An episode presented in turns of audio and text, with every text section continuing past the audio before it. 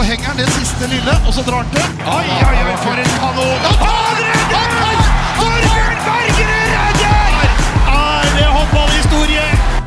Ja, velkommen til nok en episode av Kommentatorbua. Og denne gangen er episoden digital. Forskjellen fra forrige gang er at Bent og Harald er på eh, De er på video, men de er ikke i Danmark. De er rett og slett i karantene, henholdsvis på Hamar og på Ullern i Oslo. Velkommen, gutta. Ja, tusen takk. Ja, lyd, ly, eh, igjen, lyden, jeg må si, lyden er overraskende bra, så, og det er nok en gang det er hyggelig å se ansiktene deres. Ja, du får jo sett det, de andre må jo bare høre på, men det er jo, det, vi, er jo best, å- vi er jo ikke så mye å se til lenger. Uh, vi er jo klart best å, best å se på, men dette er, dette er lyden av karantene. Dag seks av ti.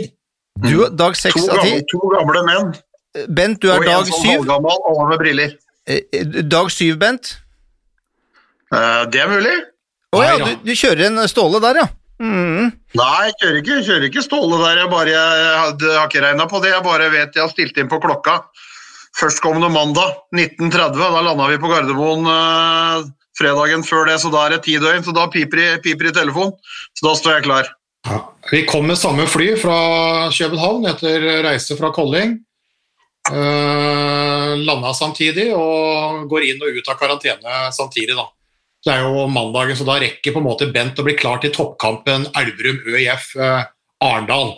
Det er bra, mens da prosjektleder da må holde på med litt andre ting og gjøre seg klar til cupfinalen i romjula. Så vi må jo bli klar til både julemat, nyttårsfeiring og all klubbhåndballen som er imellom. Så dette er tima og tilrettelagt, akkurat som i en uh, Olsenbanden-film. Og så får vi håpe at det går bedre med oss enn med Egon Olsen til slutt.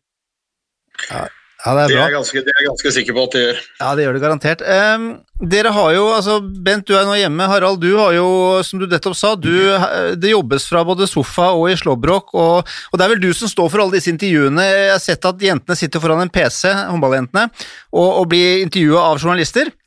Ja, ja det, er jo, det er jo det som er med det, med digitale. Da. Altså Mesterskapet var jo digitalt. Vi satt jo mye på, på dataen også i Kolding, men, men der var vi jo ute i arena på kampene. Men etter kamp så intervjua vi dem da via, via data. Vi kunne gå på en pressekonferanse med litt avstand og prate med dem eh, der. Men eh, pressetreff på spillefrie dager og alt mulig gikk jo via, via dataskjermen. Vi fikk det lille ekstra i Danmark, men ikke mye. Og veldig mye av den jobben her har jeg tatt med, tatt med hjem. Eh, Så vi, vi har jo Teams-treff med utvalgte spillere da på spillefrie dager, så det sitter jeg da i sofaen og, og gjør. Eh, Og så ble fruen utrolig frustrert eh, da spillerne kom i mix-zone etter Ungarn-kampen. Og jeg begynte å intervjue det i sofaen, og hun skulle se på Love Actually.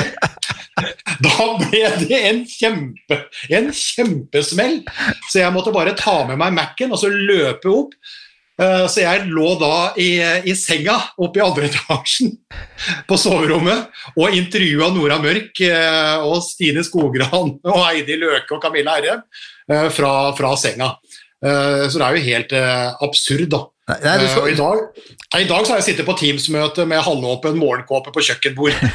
Så, så det er jo Ikke misforstå, ikke misforstå da, men, det, men, eh, men det var såpass mye i prosjektet som skulle gjøres før da at Teams-treff eh, klokka 10.30 at jeg rakk ikke å, rakk ikke å få på meg, få på meg klærne engang. Så, så det er mye en kan gjøre, det er mye en kan gjøre fra, fra mange forskjellige steder. Det, det er det. hvordan er det egentlig å, følelsen av å dra hjem fra et mesterskap når det først starter?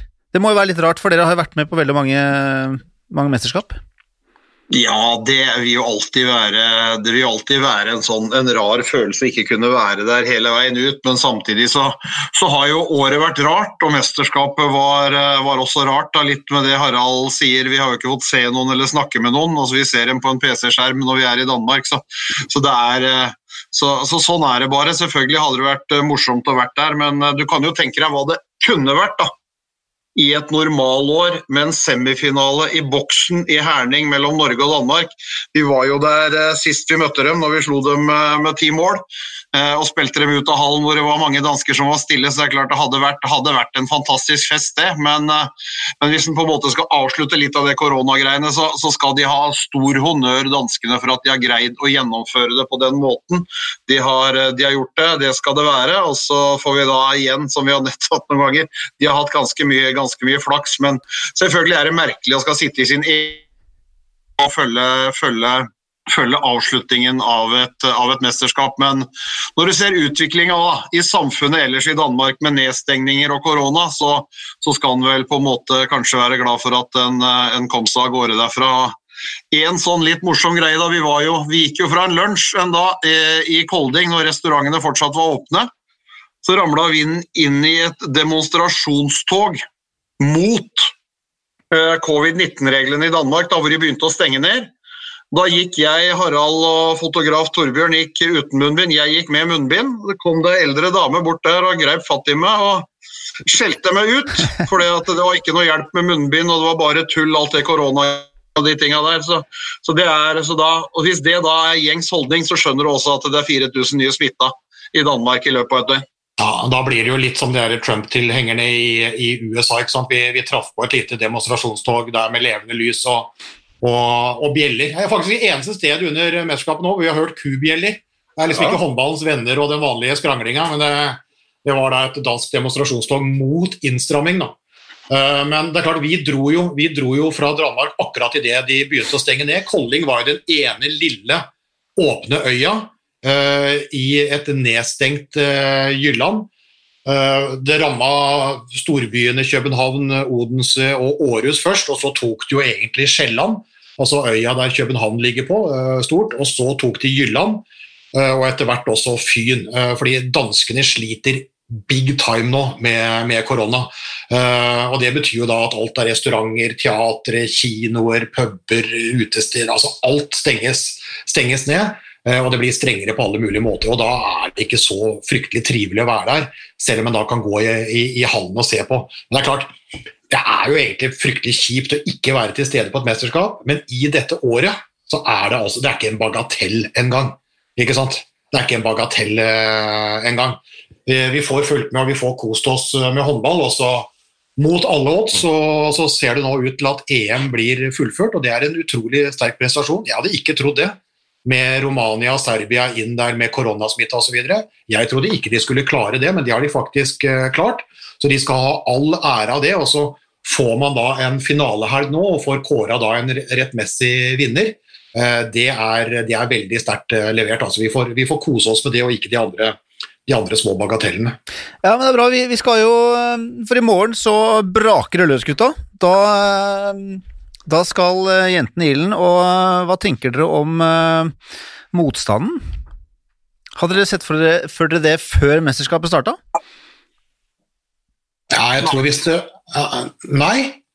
Nei, jeg hadde ikke sett for meg at det skulle bli Danmark med, med Russland og Frankrike på, på den halvdelen. Samtidig så, så syns jeg jo danskene ga et lite skremmeskudd når vi var uh, de to testkampene i Veile i forkant av, i forkant av mesterskapet.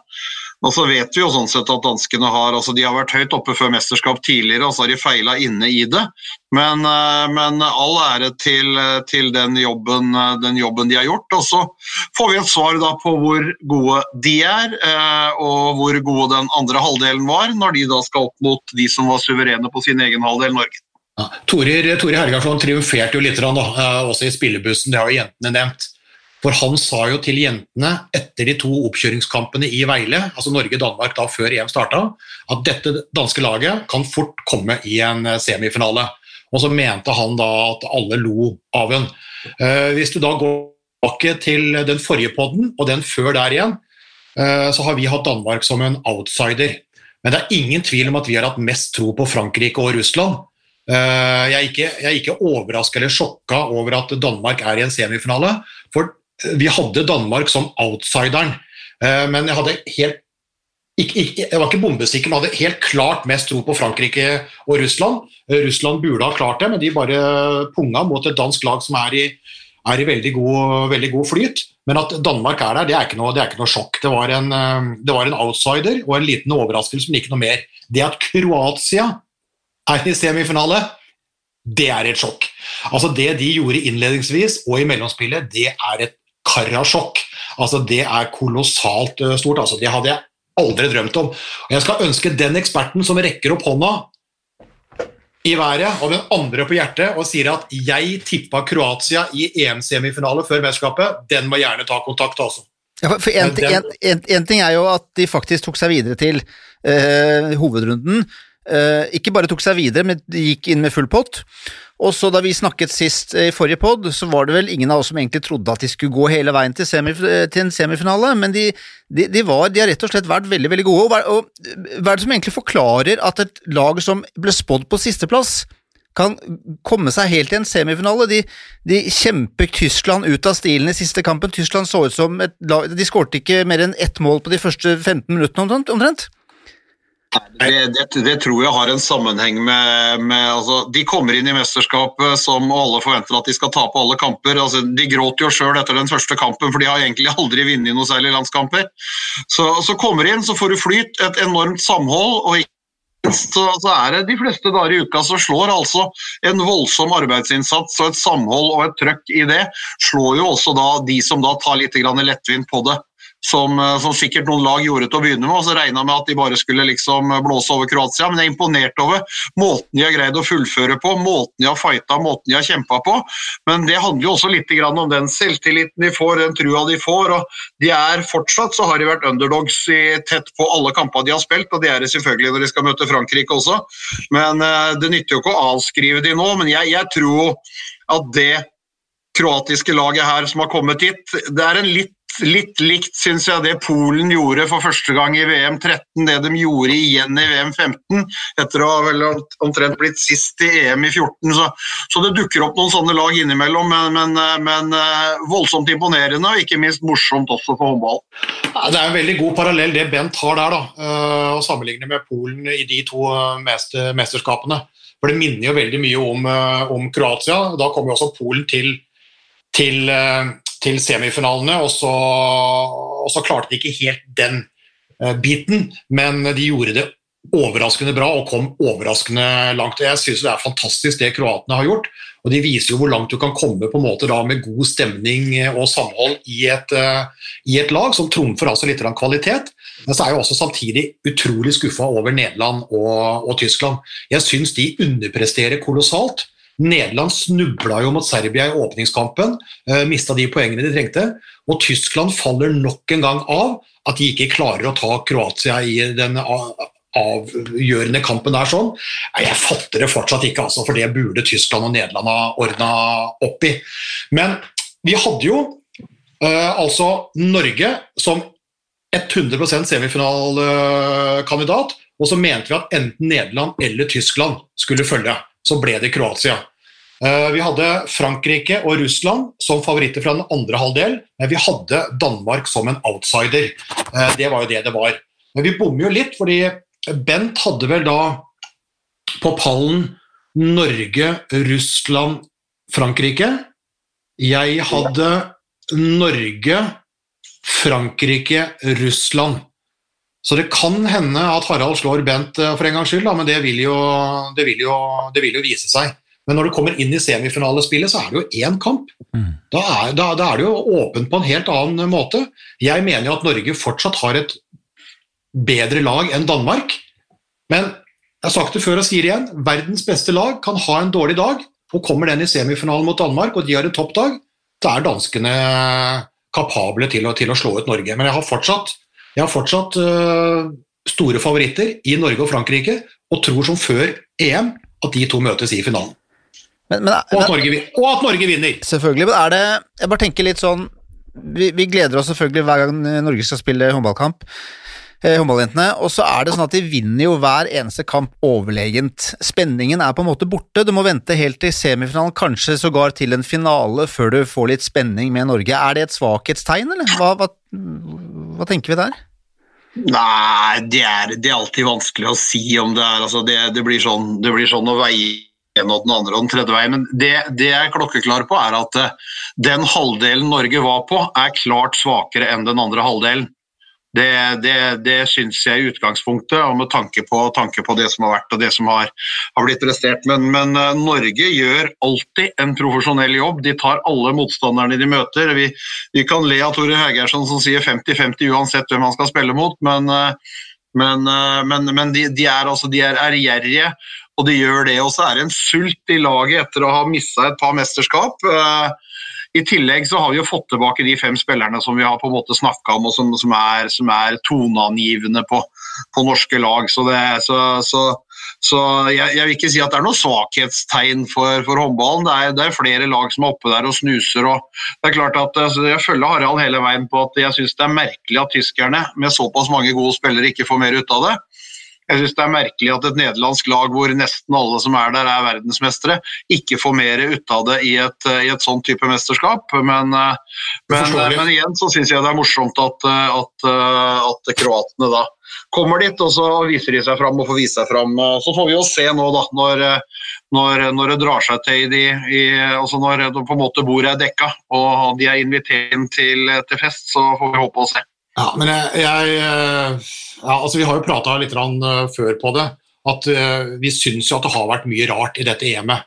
Altså, det har vært en del svake prestasjoner. Jeg tror ikke alle lag har kommet godt gjennom denne koronaperioden og gjort det like bra som, som, Norge. Fordi Norge hadde en kultur og en tradisjon som ingen andre lag på kvinnesida har hatt før dette mesterskapet. De bestemte seg når koronaen inntraff at de skulle trene knallhardt, og når de begynte å spille igjen, så skulle de være best trent i verden. Veldig mye tyder på at de er det akkurat nå. I tillegg har de fått tilbake flere av de beste spillerne i verden. Og det er ingen tvil om at det er ingen i verden som bruker mer penger på kvinnelandslaget sitt enn Norge. Eh, så det er en utrolig sterk eh, enhet av kultur, tradisjon, eh, seriøsitet ressurser eh, i, i, folk og i penger som gjør at, eh, som gjør at dette her blir, blir overlegent. Og så er det ikke sikkert at vi er bedre enn Danmark, det er ikke sikkert at vi er bedre enn Frankrike, men alle de andre vi har møtt nå, er vi soleklart, soleklart bedre enn. Så ja, og, Jesper Jensen sa jo senest i går da, på pressekonferansen at han har jo faktisk da inn i sin landslagsbit her. Eh, altså look to Norway. Eh, det er litt sånn som eh, president Roosevelt. altså Det er litt sånn look to Norway. altså Han har prata med sine landslagsspillere i Esbjerg. Sett på treningskultur, sett på leve Sett på hvordan man bygger lag. Han, han er en sabla god trener, trener sjøl. Men han har, han har henta inspirasjon fra de norske spillerne og det norske miljøet for å bygge Danmark. Og fytt i grisen, han er på farlig god vei, altså. Han har gjort kolossalt mye med danskene på kort tid. For det har vi jo sagt, Danmark har jo hatt laget, men de har aldri hatt resultatene. De har altså én medalje, en bronse i VM 13, siden vi møtte dem i EM-finalen i 2004. Én medalje! Siden 2004. Det laget som Gulrik eh, leda til OL, VM og EM-gull med Anja og Camilla Andersen og den ene etter den andre. Så, og Nå har han begynt å bygge, sånn som han gjør i Esbjerg. Og Ikke til forkleinelse for Klaus Brun uh, Jørgensen, men det er klart, han fikk det ikke til. Og Hvis dere har sett på den der dokumentaren uh, nå med, fra Danmarks Radio, hvor de følger som er flue på veggen danskene eh, i, i, VM i fjor, der de floppa, så ser du utrolig stor uh, forskjell, altså. Der på en måte uh, Klaus han kjefter, blir forbanna, skjeller ut, fyker opp, så er Jesper Jensen rolig. Hørte også med Marit Mann Frafjord i går. Prater om at hun elsker den, uh, den treneren i Esbjerg, fordi der de ene på en måte liksom suger energi, så gir han energi. Der de andre skaper uro, så gir han ro. Og den energien og den roen gjør at de faktisk får troen på at det er mulig, og i tillegg så begynner han da å prioritere annerledes. Mye raskere spillere. Han er en sabla taktiker! Og hva var det Marit Mann Frafjord sa? Vi summerte opp. Altså en utrolig trivelig kyniker.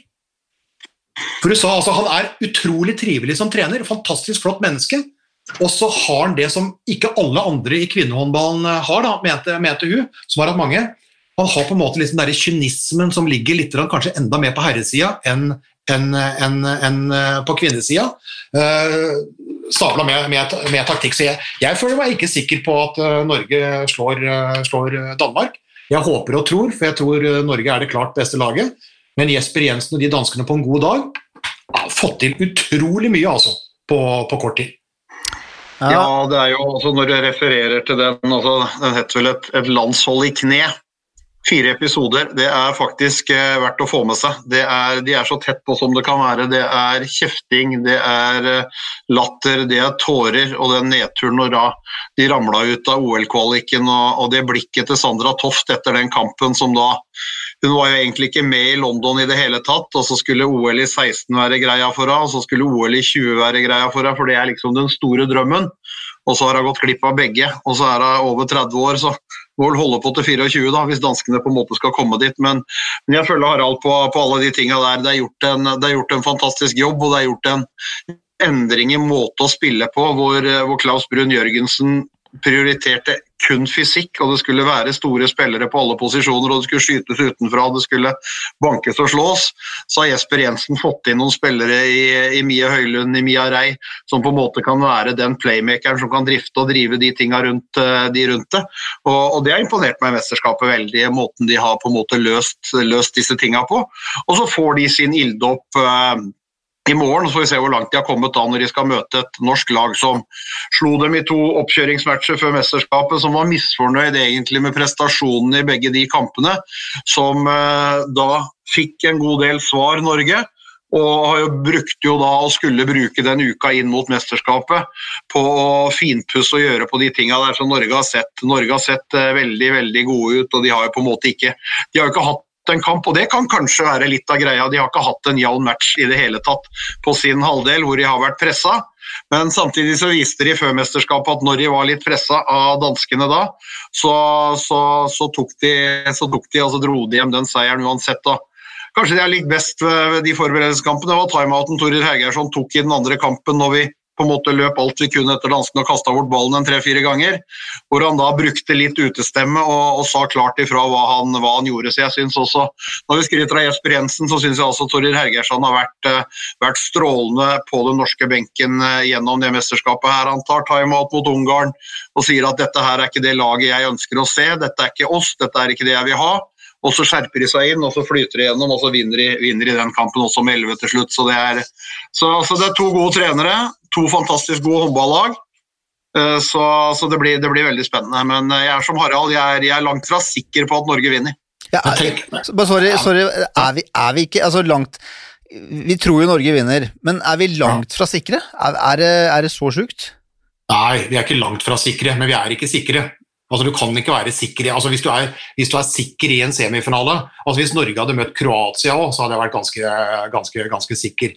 Når du møter et fremadstormende dansk lag med Jesper Jensen på benken, så er du ganske cocky og, og litt i overkant høy hvis du er, er, sikker på at Norge skal slå. Vi har Norge som klar favoritt, og vi har god tro. Men sikker kan du ikke, kan du ikke være. For jeg har sett såpass mange kamper opp igjennom hvor, hvor, det kan være en dag hvor Sandra Toft uh, klinker igjen den uh, kassa, og våre to som har vært knallgode, ikke er så, så gode. det kan jo være at de har et trekk som løser opp. Altså, så det er jo ikke, er jo ikke mulig å, ikke mulig å være, være, sikker. Også. Spørs det da på den statistikken, som er helt eventyrlig i, i Norges, Norges favør. Altså, vi har 13 kamper på rad mot danskene. altså.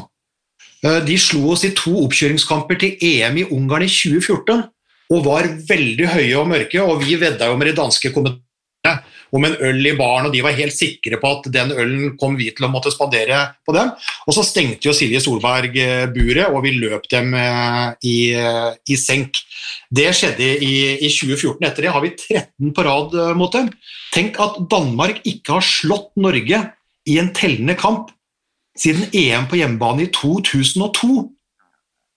Det er kun fire spillere på det danske laget av 16 i troppen som har vært med å vinne over Norge. Og de har altså over 100 landskamper. Tenk på det! Sandra Toft, som har 130 landskamper, er faktisk én av fire som, eh, som har vært med og, og vinner mesterskap. Og hun har vært med på alt dette her, da, men hun, hun, hun, var jo ikke med på VM i 13, så hun fikk jo ikke den bronsen. Så hun har vært med altså i år etter år etter år på Danmark og aldri tatt en medalje. Mens da de norske har jo uh, rutine på dette her og har, har sulten. Ja, selvfølgelig er vi favoritter. Men danskene på en god dag og Norge på en dårlig dag, da kan det vippe feil vei. Men vil du heller hatt Danmark i en semi i, i morgen enn Russland? Eller ville du hatt russ... Altså, hvem, hvem hadde passa Norge best?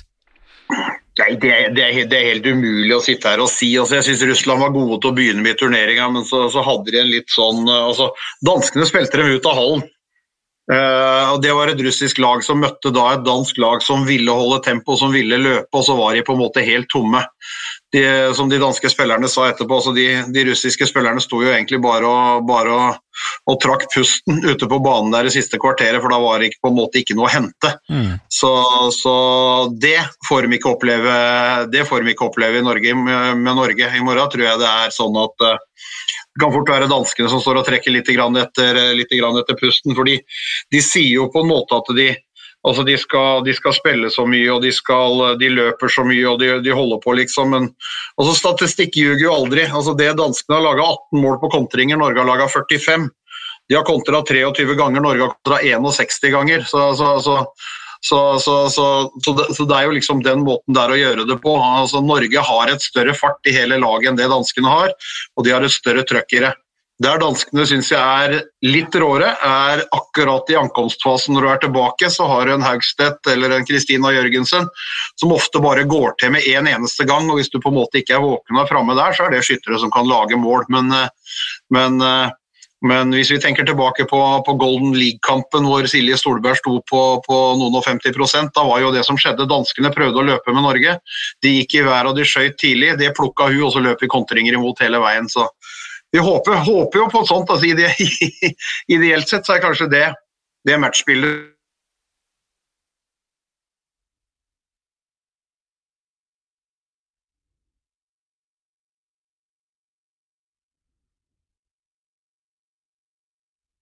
Men Det er jo ganske morsomt da, når du ser de her kampene her innleggsvis, så er det jo faktisk motstandere som har over 60 ballinnehav mot, uh, mot uh, Norge. Tenk om du hadde hatt det i en fotballkamp. da. At du har hatt mm. possession. Uh, eh, 65 mot 35. Og så er det det laget som har 35, som vinner med 11 mål. uh, altså Tore Hergersson trakk jo, trakk jo parallellen til, til Mourinho uh, på, på pressemøtet i går. Altså Mourinho bryr seg ikke så mye om motstanderlaget har litt mer ballinnhav så lenge du drar i land seieren. Så det sier, jo, det sier jo, alt. Altså, det er jo faktisk lag som møter Norge, som har ballen dobbelt så mye. Allikevel så taper de med tosifra antall. Det sier jo alt om den farta som Norge har eh, i, i, laget. Og Så skal de jo da, da, møte Danmark, som kanskje er det laget som kan ha noen mottrekk. Eh, og Hvis det går sånn som vi håper og tror, da, så blir det Frankrike i en eventuell finale.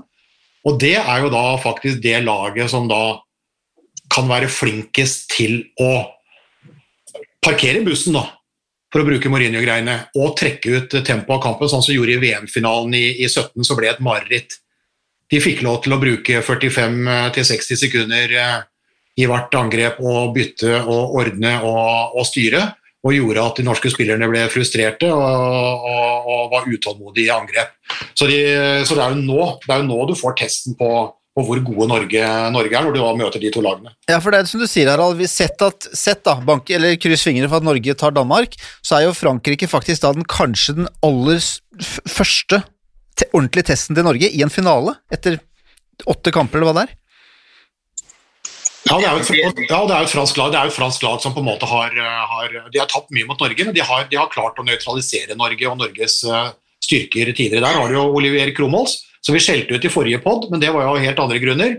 Vi kan rose ham som, eh, som, eh, som, rutinert eh, trener og taktiker, og han har et veldig godt mannskap. Og han har også knallgode keepere.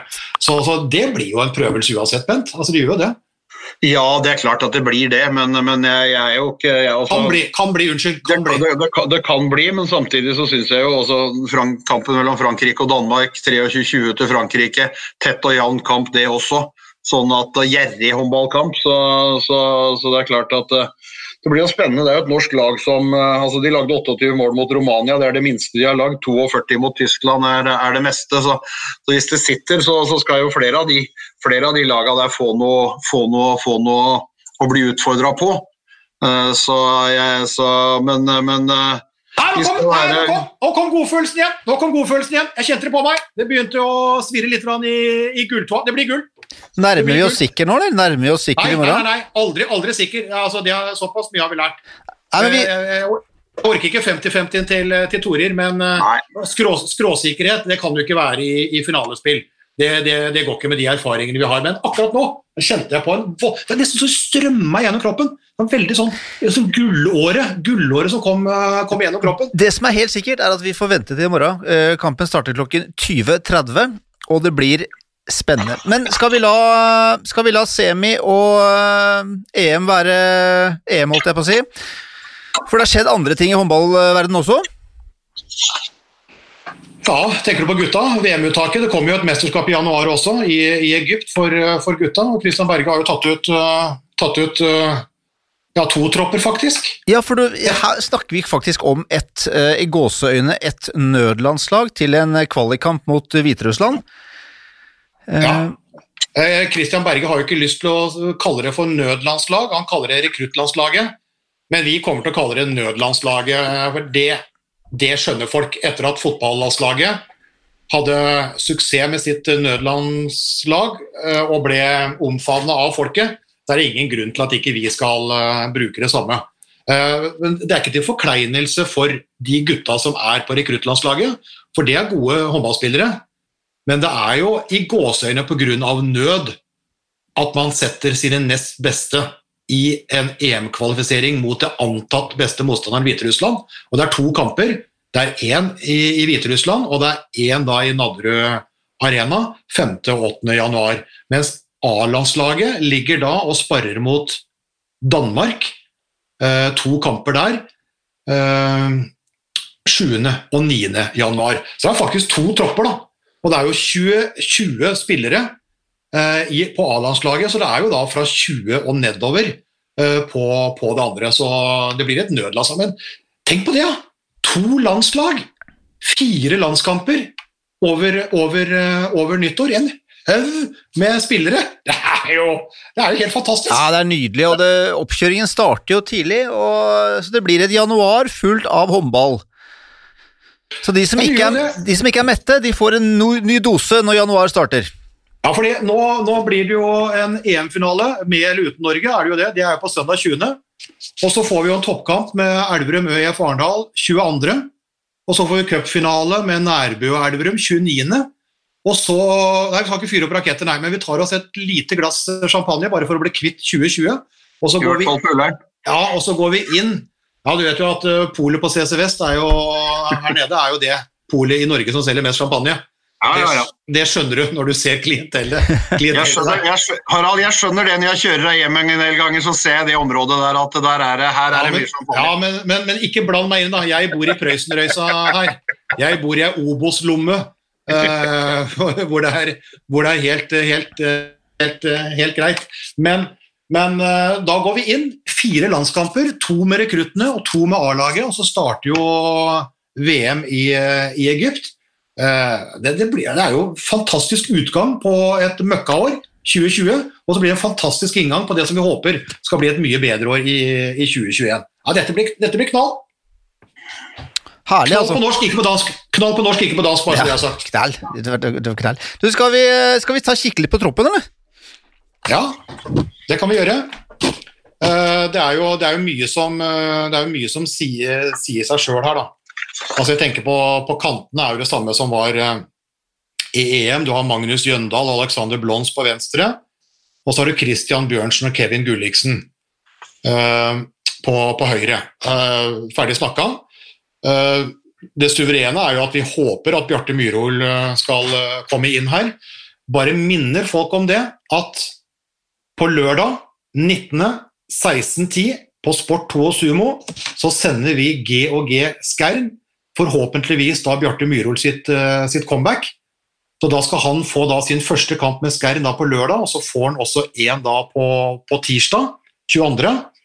Og så blir det da de danmarkskampene. Så vi håper jo da, Han er jo ikke sikker på den skuldra, men vi håper jo at Bjarte Myhrol blir VM-klar. Han er tatt ut her. Uh, Petter Øverby er jo med, stor suksess i EM sist. Uh, Henrik Jacobsen er jo tilbake etter korsbåndskaden, spiller jo mye i, uh, i, i Paris. Og så røyker jo på en måte forsvarssjefen Magnus Gullerud ut, dessverre. Men der har de jo henta inn da Elverum-kaptein Thomas Solstad og så har vi jo av bakspillerne så har vi jo Sander Sagåsen, selvfølgelig. William Aar eh, henger fortsatt eh, med, han var jo med i EM òg. Der kommer Simen Holand Pettersen inn, sønnen til Gunnar fra Elverum. Eh, Christian og Sullivan, Gøran Johannessen, Sander Øverjordet. Alle de var med på mesterskapet sist. På høyrebekken eh, det er jo ganske fantastisk når en god spiller som Eivind Tangen ikke er med. Det sier jo litt om, om overskuddet på høyrebekken. Men eh, Magnus Abelvik Rød, Harald Reinkin er jo der, og så er Kent Robin Tønnesen tilbake. Han har jo vært uheldig og mista to mesterskap, kommer tilbake nå. Så en Tønnesen og en Myhrvold tilbake ville være en kolossal tilvekst. Også på målvaktene er det jo de vi kjenner. Det er Torbjørn Bergerud, Espen, Christensen og Christian Sæverås. Og så er Robin Haug, uh, den unge og fremadstormende Skern-målvakta, han er jo nummer fire her. En av de skal ned på rekruttlandslaget eller nødlandslaget uh, før de kampene starter i januar. Så da reiser han til Danmark og til Egypt med 20 spillere, akkurat som Torir gjorde nå i Danmark. 16 i troppen, fire reserver. Uh, når du da reiser langt, og i disse koronatider. Av, av, den her, av den troppen her du nevnte nå, hvor mange skal ut, sa du? Altså, Det er 21 nå, én skal ut. Ja, ok. Og det er en målvakt? Det er en, det er en av de fire målvaktene øh, går da på rekruttlandslaget uh, til, til, de kampene. Fordi han ser han, fordi både Espen Christensen og Christian Sauerås har slitt med skader. Så han ser da på en måte om de to blir klare. Uh, uh, før da han vurderer Robin Haug oppi dette her. Så da må han jo ta ut da seinere 16 spillere, men det blir da fire server. Den er jo ikke tatt ut. Og dette her er jo stort sett velkjente spillere med mange landskamper og mye mesterskapserfaring. Av de 21 vi har her nå, så er det bare tre som ikke har mesterskap før, og det er to som ikke har landskamper før. Den ene uten mesterskap med landskamp er jo Simen Holand Pettersen. Han fikk jo prøve seg i to landskamper her og skåra et mål. Og de to da som er uh, jomfruelige her, det er jo Thomas Solstad, Elverum-spilleren på linja, og så Robin Haug i mål. De har jo ennå ikke debutert på landslaget. Og dette er en, uh, dette er en uh, sterk tropp. altså Selv om de har mista forsvarssjefen i Magnus Gullerud, så kan du jo da få tilbake Kent Robin Tønnesen og Bjarte Myrhol. Jeg er sikker på Hadde, hadde Myrhol og Tønnesen vært i EM-troppen, så tror jeg vi har vært i finalen. Vi får aldri vite det. Det er bare en hypotese, men jeg tror det, at da hadde hatt litt mer å spille på. Da kunne det ha bikka, og kanskje kunne Norge ha fått en, en, bedre medalje, kanskje det første gullet, i det mesterskapet. Men om vi kan vente til januar og Egypt? Ja, det kan vi. Bent, er dette en, gull, er dette en gulltropp, eller? Det er en tropp som i hvert fall eh, bør nevnes når, eh, når medaljene skal, skal, deles ut. Og så vet du at det kan, kan skje mye. Du har du har et Egypt på hjemmebane som sikkert har ligget og fyra og holdt på for, for, det mesterskapet her. Det var en, var en sterk tropp danskene tok ut i dag, så, så, så, du vet aldri. Men Norge er et lag i verdenstoppen også på herresida. Det har de vært de siste åra, og det kommer de til å fortsette å være. Og de nevnes også alltid i medaljekampen. Også, som Hans Trygve Kristiansen alltid sa, så vidt jeg vet, så er også gull medalje. Sånn at, eh, så, så, de har på en måte et, et lag som, som, kan være med å fighte om, om gjeveste, den gjeveste medaljen. Det, det, er ingen tvil om med, med de spillerne de, de har der. Altså, er det klart, Jeg tror det vil være av en, av en, av en viktig betydning at den skulderen til Bjarte Myrhol eh, blir i orden. Eh, hvis han ikke kan være med, og i tillegg så er forsvarsgeneral Gullerud borte, så er vi, er vi svekka, svekka, svekka, den veien der. Og så er jeg fortsatt litt spent på Jeg så Gøran Johannessen gikk ut med lyskeproblemer. Jeg håper at det bare er forbigående, og at vi ser han i de oppkjøringskampene mot Danmark. Men troppen til Norge er, er sterk, den er bred og den er god. Ja, for det, det, det, som er litt sånn greia med, med Bjarte Myhrol Før så var han også en forsvarskjempe, men nå har han jo overlatt det til Petter Øverby og Magnus Gullerud og Henrik Jacobsen har vært inne og gjort en, gjort en jobb der. Men når vi nevner de tre, da, Øverby, Jacobsen, Gullerud Strålende forsvarsspillere. Strålende i angrep også, men de er ganske like. ikke sant? Altså, Bjarte Myhrol er litt mer bevegelig. Det blir litt sånn som Kari Bratseth Dale, Marit Malm Frafjord kontra Heidi Løke. Altså, Hvis du har hele det spekteret, så har du på en måte noe for enhver anledning. Du har enda mer å, å spille på, da. i tillegg til rutinen og det han gir på banen og utenfor banen i egenskap av, av kaptein og, og hærfører. Så jeg håper inderlig at det går bra med han, og det blir spennende å se han på lørdag i den, i den eh, Skerry-kampen. Men du lurer Faye, på om vi er sikre på gull? Nei, vi er jo ikke det. Men vi er sikre på at Norge kommer til å være der og kjempe, fordi nå har de vært i semifinale i fire av de fem siste eh, mesterskapene. Uh, og de har vært på pallen i tre av de fire siste. To VM-sølv, én uh, EM-bronse. Så da er du på en måte etablert i verdenstoppen. Uh, og du bare venter på det, den, det, det, siste, det siste steget. Det kan bli et tilbakesteg, det kan bli et steg opp, det vet vi ikke. Men at de er på en måte i verdenstoppen, er det ingen tvil om.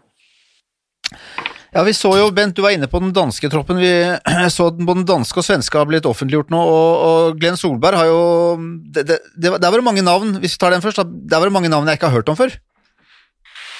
Ja, det er vel det er, det er, sånn det er. Men nå følger vel du norsk andredivisjon bedre enn du følger tysk håndball. Sånn at, eh, så det er, jo, det, er, det, er jo, det er, jo, gode håndballspillere der. Men det er klart det er jo noen også. Andreas Nilsson, linjespilleren ute. Niklas Ekberg, høyrekanten til Kiel så jeg ikke der. De har noe skade på målvaktposisjonen. Sånn at, eh, så han har jo fått en, altså han, eh, Den godeste Glenn Solberg har jo fått en trang start på sitt, sitt virke som svensk landslagssjef. Det er, det er ingen tvil om. fordi at Han fikk jo ikke samla dem. og så hadde de, hadde de et par kvalikkamper, og nå skal de vel ut i to kvalikkamper mot Montenegro først der. Så, så det, det, betyr jo at de har eh, de får, de får, et par sånne oppkjøringsmatcher der, men jeg vil ikke nevne Sverige i samme åndedrag nå som, som en gjorde tidligere. Altså jeg, jeg nevner Norge-Danmark eh, før, før, vi begynner å tenke på at Sverige skal være med og slåss om medalje der. Det er ingen tvil. Ja, jeg, tenkte, jeg, tenkte mer, sorry, jeg, tenkte, mer, at Glenn Solberg, vår mann, altså vår landsmann, har, har tatt over roret. Så, det, så det, det, blir jo litt ekstra spennende han, å høre på. Han har kryssa ei grense. Han har kryssa ei grense. ja. vi, er fortsatt, vi, er fortsatt, glad i Gren Solberg, men når han trener i Sverige, så kan vi ikke, kan vi ikke ønske han uh, mer suksess enn akkurat under Norge. Nei, altså ikke på bekostning av oss, det er jeg enig i. Ikke, ikke på, bekostning av Vi kan ønske en suksess, men ikke på bekostning av oss. Altså, vi er, vi er, vi er, vi er nordmenn. Uh, sånn, uh, sånn, er det bare. Men jeg, vi, vi, får jo ta en pod over nyttår når vi går inn i, inn i VM-biten. For det er jo veldig mange land som vi er litt usikre på. Det er jo spillere som ikke blir med. Uh, fordi at de vil ikke være i den bobla, eller de vil ikke spille mesterskap i koronatid. Vi har svensker som har gjort det. Vi har jo Kiel-kollegen til Reikin og Sagåsen. Altså Vincek, f.eks. Han har jo sagt at han blir, han, blir, han blir, hjemme. Han er en familiemann, han prioriterer det. Og det kan komme flere av de der, selv om Egypt-regelen blir, blir ei veldig streng boble. Eh, minst like streng som, eh, som jentene hadde i, i, EM. Så det er jo, det er jo en, eh, en, ting som blir spennende. Altså, for å kaste inn én ting til. Da. Jeg synes liksom Jeg lurer på om vi rosa EOF i forrige pod. Det kan vi ikke ha for mye av. Vi må skjelle ut EOF uh, i hver eneste pod, mener jeg, da. Uh, og etter å ha prata med Christian Berge på VM-uttaket, etter å ha prata med generalsekretær Erik Langerud og hørt hva de har prøvd å gjøre i januar, med disse kvalikkampene som har havna der, så blir jeg litt overraska, altså. Og jeg blir litt, uh, jeg litt skuffa. Og ikke så rett lite forbanna! Uh, fordi her er jo altså Vanligvis så kjører du jo treningskamper før det mesterskapet, hvor du kan styre belastning og alt mulig. Husk på nå at eh, de, de, de lagene her de spiller jo da i romjula. De skal spille Final Four Champions League eh, 28. og 29., og så skal de ikke ha treningslandskamper. Eh, det, er jo, det, er jo derfor, det er derfor Christian Berge, også ikke bare pga. korona, men også pga. Av, av belastning, at han kjører nødlandslaget i EM-kvaliken. Tenk på det, fordi den EM-kvaliken ble lagt der fordi den skulle vært i mars, men der ligger OL-kvaliken. Så det er liksom kjedekollisjon med alle arrangementene. Og så sier Håndballforbundet, de ber på sine knær til EAF, kan vi ikke nå i den situasjonen vi er i, med tanke på spillerne, don't play the players, kan vi ikke nå bare kutte ut den EM-kvaliken? Den har allerede kommet skeivt i gang, og det kommer ikke til å gå bra videre. Kan vi ikke utsette den, og så bestemmer vi EM-plassene ut ifra ranking? Og hva svarer EAF? Nei! Nei, det skal spilles! Ikke sant? I den situasjonen vi er i nå, helt forkastelig. Helt forkastelig. Det burde ikke ha vært, vært spilt, og da, du, da ender du opp med sånne løsninger som dette her, med nødlandslag.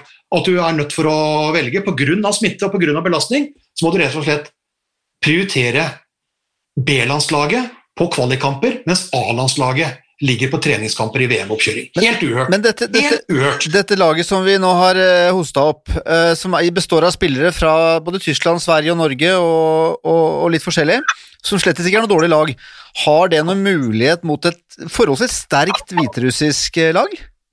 Ja, men det vet, det vet jo ikke noe om ennå, fordi vi aner jo ikke heller hva Hviterussland kommer til å gjøre. Altså, dette her er jo, dette her er jo dette her er, Punkt én så er det belastning. Samtidig så vet vi i den situasjonen som, som verden er i nå, at reise også kan gi, gi, gi, gi smitte.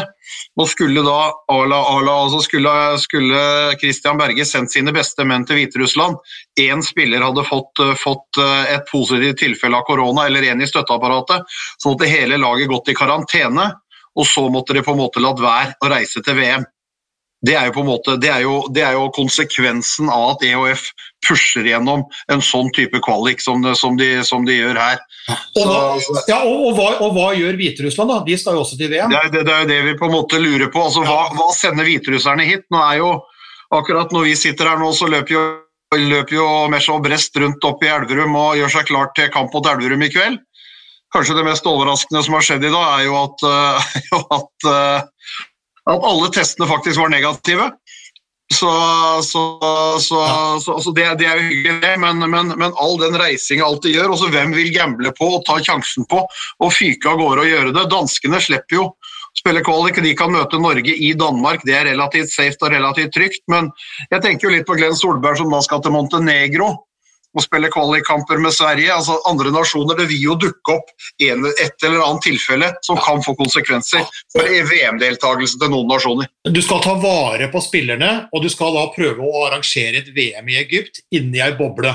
Og hva gjør du i forkant? Jo, du sender altså alle lag i Europa i en pandemi på kryss og tvers rett før VM. Altså, Det er jo så korka dumt at det er nesten ikke til å, å, fatte. Men her er det jo da EHF som har sine interesser, og IHF som har sine interesser. De internasjonale styrer VM og OL. EHF, det europeiske, styrer jo da de EM-kvalikene og den biten der. Og det er ingen som firer på tørre møkka. Uansett om koronaviruset spruter ut over hele Europa, så bare dunker de på. Uh, og, og, og hviterusserne må jo også vurdere Eh, Norge sender ikke sine beste til Hviterussland eller spiller hjemme i Nadderud, fordi de tør ikke ta sjansen på at et VM kan ryke. Hva gjør Hviterussland? Hvis de kommer inn i Norge, tester én positivt, så havner hele den hviterussiske troppen i isolasjon og karantene i Norge i ti dager, og da ryker Egypt-VM for hviterusserne. Ikke sant? Så spørsmålet gambler de, eller, eller sender de også da nødlandslaget sitt til noe? Det vet vi jo ikke, det ikke ennå. Så det blir jo spennende å se. Men det er jo, det er galskap. Kunne det ikke bare, En ting er å sende sendt i forhold til ranking, kunne de ikke bare tatt og utsatt disse kampene til, til VM er ferdig? Nei, uh, ut, ut, nei, nei, nei, nei, ikke sant? Nei, utsett, utsettelse blir vanskelig, fordi nå er det utsatte Champions League-kamper. Og det er en OL-kvalik som kommer, og det er internasjonal dato. Så begynne å utsette veldig mye mer nå. Det finnes ikke dager igjen. Nå, ikke, nå kan du ikke utsette mer, nå må du avlyse og så må du finne en annen måte. Og Da vi hadde podder i, i, før sommeren, så var det jo masse som ble avlyst. Altså Man avgjorde jo eh, kvaliker med ranking. Det ble jo gjort i vår. De har jo gjort det tidligere. For de fikk jo ikke spilt alt i vår øh, og, og, og, i sommer. Så noe måtte jo avgjøres på ranking. Og det kan de jo gjøre nå, ikke sant? men de gjør det altså ikke. De skal trumfe det gjennom. Uh, og det er, det er, det er bare Men du kunne, kjørt en sånn, du kunne kjørt en sånn helg da, hvor du hadde arrangementet ett sted, og så hadde alle, alle lagene spilt mot hverandre? Ja, men du må reise, må reise like mye ut, ut, og inn og få dømt, eh, dømte greier. så det er der Galskapen er at de tvinger folk til å reise rundt bare, bare for å gjennomføre. Men, men, det er fordi at de bryr seg. altså EHF bryr seg ikke så veldig mye om IHF. De skal verne om sine ting. Og Da vil de at kvalkampene til EØF skal gå, og så får IOF ordne opp i det greiene der etterpå. Ja, og det, og det, det, eneste, det, eneste, som faktisk mangler, det er hvis, hvis Bundesligaen nå får en del avlyste kamper og sier at det kommer til å bli Bundesligakamper under VM, og da hadde det vært, det hadde liksom vært toppen av det hele. Ja, for det, er De eneste som er sterke nok til å gi hylende F i både EOF og IOF, det er Bundesliga. Det er den sterkeste ligaen. De, de styrer, men Det husker vi jo fra, fra tidligere, når, når, når Bundesliga la la kampene samtidig med Champions League-kamper. Vi husker jo det greiene der når, når eh, Rein Løven hadde to kamper på én dag. Én hjemme i Bundesliga og én Champions League-kamp i Polen. Og, de prioriterte Bundesliga og sendte nødlaget sitt til, til Champions League i Polen. Fordi at i Tyskland så er Bundesliga viktigere enn Champions League. Uh, og det mener i hvert fall Bundesliga, så, så, så de lar seg ikke pelle på nesa av verken EOF eller, eh, eller, eller IOF. Men det, er, eh, men det, er, nesten litt sånn skremmende å se, eh, se mangel på gode prioriteringer i, i, det landskapet her. Og det bunner jo ned, til sjuende og sist, penger! Så får vi se. Men ja, og penger. Ja, du bare, bare det, så Nå renner familien inn her, nå må vi avslutte snart. altså. Ja, er det ikke mulig å, nå som du er hjemme, er det ikke mulig å få innblikk, et innblikk i hvor, altså, hvem er familien din, Harald? Er det, er det døtre, er det kone, hvem er det? Ja, det er, det er, det, og det er mulig at det kommer en uh, kan hende at det kommer en sønn på besøk uh, her også. Nei, vi skal, vi, vi, skal, vi, skal, vi skal, spare dem for dette her. Altså. Vi, skal, skal runde av nå. Men det... vi, starta jo, jo, med å fortelle på en måte at jeg har hatt pressetreff i sofaen, jeg har hatt miksovn oppe i senga. Nå har vi pod på kjøkkenbordet, jeg har hatt pressetreff her. Og kona stakk ut på ski, nå er jeg tilbake igjen. Så hvis jeg fortsetter mye nå, ja. så er jeg skilt før neste pod. Kan vi ikke heller si at vi møtes på mandag og sånn, da? Jo, så vi, vi, vi, har et, eh, Så lenge du blir, eller dere blir med på det, så er studio her booka på mandag eh, ettermiddag. Ja. Og da oppsummerer vi EM. Så ringer Vigdis her og lurer på om middagen er ferdig òg. Ja. Fordi da oppsummerer vi EM på mandag, og så ser vi inn mot klubbhåndballen med toppkamp på tirsdag og, og cupfinale neste tirsdag før nyttår. Ja. Og så kikker vi litt inn i januar uh, som, uh, som, kommer også. Kula, så tar vi, heller, tar vi, heller, to kjappe. Og så blir det kanskje en liten uh, overraskelse. Det er jo siste sending. Det er jule, julebord for kommentatorbua, rett og slett. Herlig. Herlig. Nei, men bra. Nå er det, pep Nå er det pepperkake. Ja. Oh, wow. B ja. Bakt den sjæl, Harald? Nei, nei, men jeg spiser den. Å, fy fader. Den så god ut. Viktig, Over og ut, Roger. Vi snakkes. Prekas. Ha det. Oi, oi, oi, oi, oi. Det er råsterkt. Så henger han det siste lille, og så drar han til. Oi, oi, oi, for en kanon! Han redder! Torbjørn Bergerud redder! Er det håndballhistorie? Moderne media.